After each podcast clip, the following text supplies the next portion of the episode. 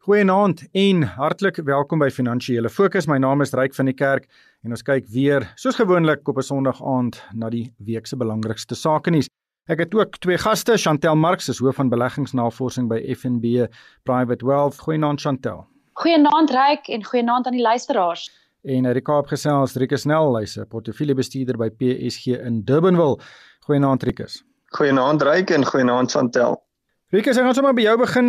Ek dink die groot nuus van die week is die werkloosheidssyfer wat bekend gemaak is en die statistiek laat 'n mens eintlik koud. Die amptelike werkloosheidskoers is nou 30,8%. Dit beteken 1 uit 3 mense wat wil werk, het nie werk nie.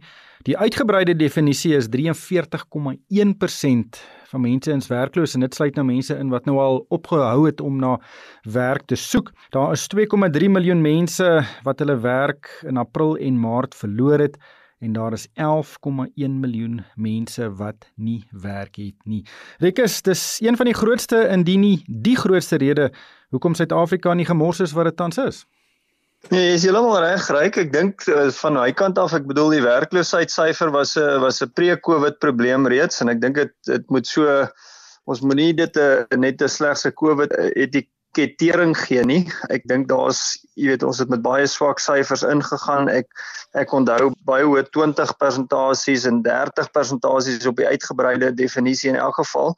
Uh so tot 'n groot mate is is dit verwag. Ek dink wat vir my baie kommerwekkend is is natuurlik dat 'n derde van hierdie uitgebreide definisie dan nou mense is wat glad nie meer werk soek nie en ek dink jy weet van my kant af is dit 'n ding wat dalk aangespreek moet word oor hoe dink ons oor werkloosheid. Ek het ek het toevallig gesien dat uh iemand soos Japan het 'n 2.5% werkloosheidssyfer gehad vir 130 miljoen mense in hulle in in hulle land. So miskien is deel van ons probleem ook oor hoe ons dalk uh, na oor werkloosheid dink in Suid-Afrika en en en eintlik ook weier Afrika. Maar ja, die die netto syfer sover is 1.65 miljoen lyk like dit vir my uh af in die derde kwartaal van van uh, van pre-COVID af. Ek wil miskien net by sê, miskien is dit ook 'n taamlike kort tydsgleef om die herstel teen te meet. Uh, so almal wil wil meer optimistiese syfers sien, maar ek sê maar net jy weet 1 en 2 kwartaale na na so impak is dalk 'n is 'n kort herstelfase om dit dalk te evalueer. Chantal, dink jy mens moet nie te veel inlees in hierdie syfers soos wat Rikus nou uh, sê nie? Ja, kyk ek stem 100% saam met Rikus. Hierdie is 'n baie kort periode om die herstel te assesseer. As mens gaan kyk na waar baie van die werksverliese was, was spesifiek in huishoudings gewees en jy kan nog dalk uh, 'n situasie kry waar wanneer mense weer gemaklik voel daarmee om ander mense in lys te hê, hulle weer hierdie mense in diens sal neem. En dit sal ook ongelooflik baie help met mense wat nie tersiêre opvoeding het nie, wat regtig onder hierdie omstandighede ongelooflik sukkel en baie sukkel om nuwe werke te kry. En, en ek dink dat dit dit gaan regtig bepaal hoe ons uit hierdie ding uit gaan gaan stap. Ek dink die ander ding om net na te kyk is die feit dat mense wat tersiêre opvoeding het wat nou nog nie regtig hulle werke verloor het nie. Dit lyk mm. asof daai dalk nog kan deurkom. Miskien in die 4de kwartaal en miskien so laat as die 1ste kwartaal van van 2021. Mm. Dis natuurlik baie belangrik vir belastinginvordering. So daar's nog 'n klomp goed wat wat hier moet uitspeel voordat ons regtig 'n idee gaan hê van wat die impak van hierdie werkloosheidssyfers gaan wees. Werkloosheid, die oomblik as dit begin daal, dan betaal meer mense belasting, daar's minder mense wat van die staat afhanklik is en dit stimuleer verbruiksbesteding en en dit is alles 'n sneeubal, maar alles begin by belegging. En Rikus, daar is hierdie week 'n groot beleggingskonferensie wat deur die president gehou word en hopelik kan daar daarmee 'n paar verrassende aankondigings wees nie net weer aankondigings van ou projekte wat nou nog steeds op koers is of beplan word nie. Nee, jy is heeltemal reg, Ryk. Jy weet, ek het hierdie prentjie van ons ekonomie as 'n groot, kom ons noem 'n trekkerband uh, wat op die stadium 'n klomp spykergate het en um, en en iemand is regtig bereid om waardevolle stikstof in hierdie band in te spuit terwyl ons weet daar's 'n klomp gate wat maar net eenvoudig die lug weer gaan in die atmosfeer laat inblaas nie. So ek dink jy weet ons moet begin by by die beleggingsdeel. Hoe gaan ons mense aanmoedig en ek bedoel dit dit op sigself is 'n baie lang uh, gesprek, maar hoe gaan ons mense kry om hier te belê, om geld hier in te steek en wag vir vir uh, rediment op dit want dit sonder dit gaan ons nie werkloosheid aan die gang kry nie en net net 'n tweede ding. Die hele beleggings uh, konsep in my kop rus regtig op die wet en orde wat uh, jy weet wat geld in 'n land as as dit nie in plek is nie is dit fisies onmoontlik om gemaklik te wees om geld in 'n in 'n jurisdiksie in te stoot. Ek wil net 'n laaste ding sê, miskien om die beleggingsdeel. Ek het baie onlangs 'n net 'n grafiek gesien van watter lande is uh spandeer of hierdie grootste spandering op op research and development? So kom ons sê navorsing en ontwikkeling. En is dis oog absoluut ooglopend dat die lande wat die meeste spandeer op ontwikkeling en navorsing is die is die kapitaalkragtige en ekonomiese kragtige lande in die wêreld.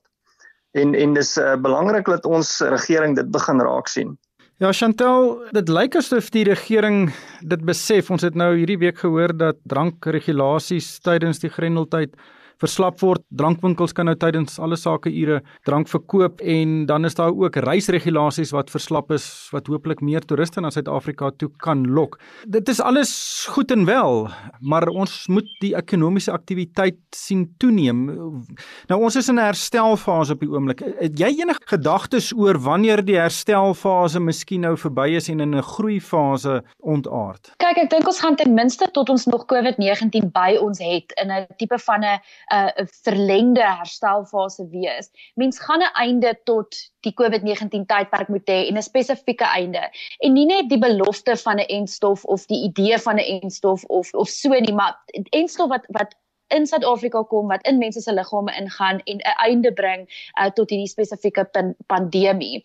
Dan gaan mens eintlik in 'n tipe van 'n groeifase kan ingaan. En wat jy dan kort is belegging. So as die private sektor nie noodwendig gemaklik voel om nou al te belê nie, gaan dit moet van die staat se kant af kom of dit gaan van 'n kombinasie van staat en private sektor belegging moet kom.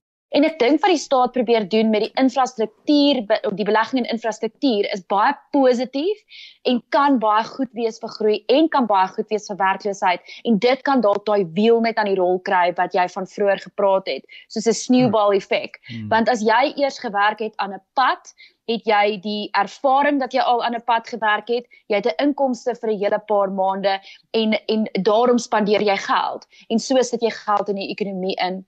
So ek dink dat hierdie tipe van beleggings gaan dalk 'n groot impak hê, maar ons gaan moet wag en sien en ons gaan moet seker wees dat hierdie pandemie agter ons is voordat ons meningswaardige groei gaan kry. Ja, en dieselfde geld vir ander lande ook, want ons is deel van 'n wêreldekonomie wat ook onsekere tye beleef en as uh, ander lande begin goed vaar dan hopelik vloei dit deur aan Suid-Afrika toe nie ons uh, historiese ekonomiese prestasies is baie gekoppel aan hoe die wêreldekonomie presteer. Maar Rikus, terwyl almal nou so bekommerd is oor die ekonomie en werkloosheid, uh, die toekoms van die land, ons skuldvlakke het die aandelebeurs eintlik 'n ongelooflike 2 weke agter die rug en het met meer as uh, ek dink 12% gestyg in 'n baie kort tydperk saam met meeste wêreldmarkte en dit lyk regtig asof die prestasie van aandelemarkte ontkoppel het van die ekonomiese realiteite. Ja, Ryk, ek dink wat wat ons net ook moet raak sien is ons korrelasie maar met internasionale markte en spesifiek die FSA. Ek dink wat vir my uitstaan is is byvoorbeeld die die geldvoorraad wat letterlik op rekord hoogtepunte is vir die FSA. Met ander woorde likwiditeit is in oorvloed. Uh rentekoerse is op op rekord laagtepunte. So daar's relatief min alternatiewe vir vir mense wat wat probeer om 'n om 'n reële opbrengs oor tyd en spesifiek oor die kort en medium termyn te probeer bewerkstellig. Ek dink as as ek dit moet, jy weet van waar ek sit moet oor of evalueer en moet oorweeg, bly aandele vir my een van die baie min bateklasse wat jy deur werklike eh, proporsionele werklike eienaarskap in in besighede en werklike besighede hoe jy daai welvaart van vandag af kan vorentoe vat oor 5 of 10 15 en en selfs multigenerasie. So so aandele bly vir my 'n 'n logiese bateklas op die stadium. En dan die laaste dele miskien net met die presidensiële verkiesing in Amerika wat wat, wat nou onlangs deurgekom het met die uh, positiewe nuus van van COVID en stowwe wat vordering maak ensovoorts. Dink ek is daar tog 'n mate van kapitaal wat wat steeds op die kantlyn gesit het vir hierdie twee tipe van deurbrake. En en miskien is dit die inspuiting wat ons nou gesien het gebeur. Chantel, jy is hoof van beleggingsnavorsing by by FNB. Hoe sien jy dit? Nou kyk, ek dink dat die baie keer sal die aandelemark ontkoppel van die reële ekonomie, want die reële ekonomie het 'n het het 'n huidige en dan het 'n ekonomie 'n toekoms. En wat die aandelemark na kyk is die toekoms van die ekonomie. Hmm. So die aandelemark het, het kyk na wat volgende jaar, die jaar daarna en die jaar daarna gaan gebeur. Nie net in Suid-Afrika nie, maar ook wêreldwyd. En die realiteit is dat omdat die basispunt so laag is van waar ons nou werk, gaan jy positiewe ekonomiese groei kry oor die volgende 2, 3, 4 jaar. En dit is maar wat dit is maar myns insiens wat die mark op die oomblik probeer uh, regkry. Ons het ook gesien dat die wisselkoers baie verstewig het. Dit het nou die afgelope uh, einde laasweek 'n bietjie verswak. Is daar enigstens 'n korrelasie of 'n koppeling tussen of 'n verband tussen die wisselkoers en beleggingsmarkte? Ja, absoluut. Ek dink as mens gaan kyk na hoe die banke spesifiek ehm um, presteer het in die laaste week of 2 en ook hoe die kleinhandelaars presteer het oor die laaste week of 2, dan het dit 'n direkte korrelasie met die rand.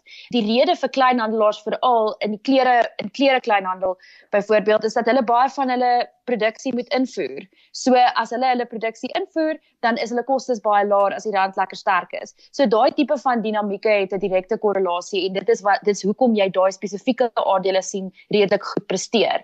Aan die ander kant het jy nou weer hierdie randsverskansers wat as die rand sterker is, dan presteer hulle ongelukkig nie so goed nie. Maar baie van daai randsverskansers het baie goed presteer die afgelope 2 hmm. weke.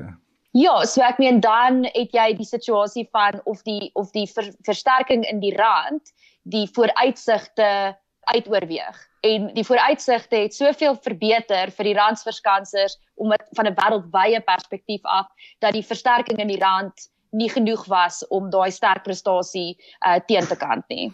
Interessant. Rikus, jou gedagtes? Ja, ek stem saam met uh, met Chantel. Ek dink wat uh, wat die rand vir my is en soos enige wisselkoers van 'n land is is regtig maar die prysetiket van van 'n eh, van 'n land wat in sy wisselkoers geweerspieël is. So ek ek dink wat ons net ook sien is dat die rand het van so lae basis af gekom, so swak plek af. As ons miskien net kan kyk ook wat het als met ons gebeur. Ons is deur die COVID krisis, ons is afgegradeer kort na dit ons het uh, twee begrotingsredes wat eintlik so half een half 'n krisis begrotings aankondiging was. Ons het drie begrotings gehad. Ons het drie begrotings gehad. Ja, drie ja. Uh so jy weet dit dis dis letterlik net ehm um, uh, dis dis eintlik soos 'n soos 'n klomp goed wat rondom jou afgaan en en elke keer as daar so iets so slag afgaan is die rand uh, een van die wisselkoerse wat uitblaas. So ek dink die versterking wat ons gesien het is maar net terug na meer normale vlakke toe. Ek sien daar is weerstand vir laer as 1550, maar as as ons uh, weer eens gaan kyk, jy weet waar is billike waarde vir vir die wisselkoers en uh, ons daai price purchasing parity dan dan is dit nog wesentlik laer as as waar ons op die oomblik is. Uh, hmm. Uh, so ek sien dit as 'n herstel traject eerder as as enigiets anders.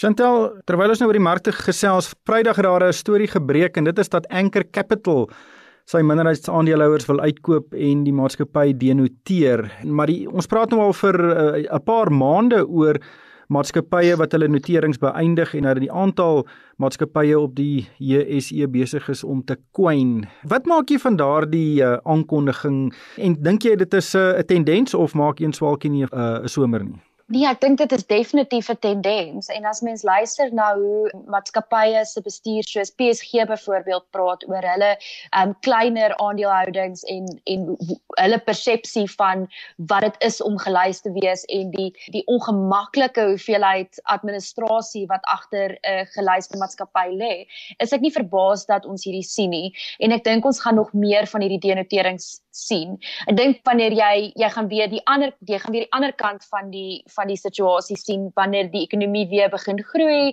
en dit hmm. maak weer vir ouens sin om genoteer te wees en hulle wil ekstra kapitaal hê hmm. om te belê.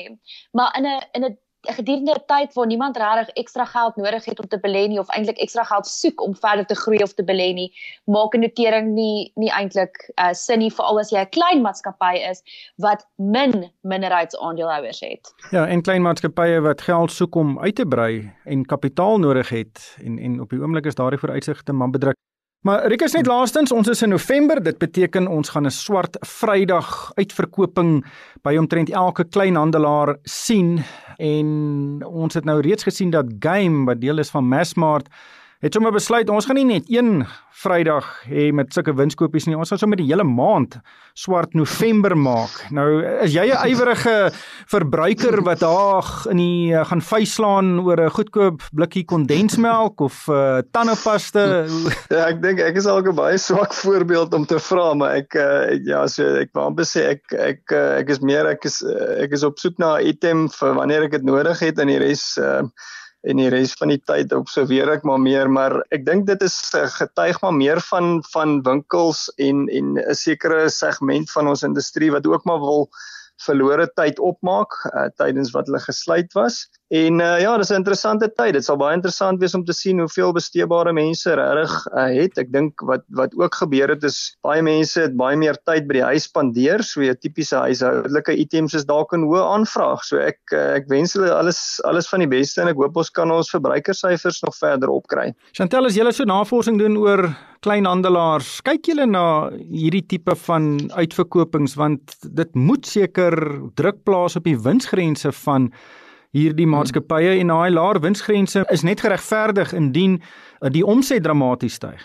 Nou kyk en en oor die laaste paar jaar het die omset dramaties gestyg oor Swart Vrydag en ek dink dit was die moeite werd geweest vir vir hierdie kleinhandelaars om daai promosies te te hardloop gedurende daai tyd.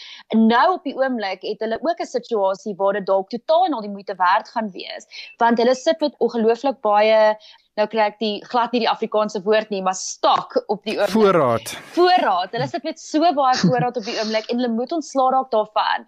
En of hulle hmm. een groot promosie gaan hardloop waar hulle ongelooflik baie voete gaan kry om ontslaa te raak van die voorraad in November of dieselfde voorraad van ontslaag gaan betrok deur promosionele aktiwiteit in Januarie of Februarie maak nog ons 'n verskil. So 'n groot dag soos hierdie waar almal gaan en gaan koop, sal dalk vir hulle nog steeds die moeite werd wees. Interessant uh, inderdaad. Uh, maar ongelukkig moet ons groet. Baie dankie aan Chantel Marx.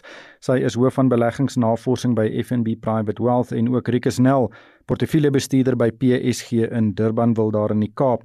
En vir my ryk van die kerk, dankie vir die saamluister en ek koop almal 'n winsgewende week.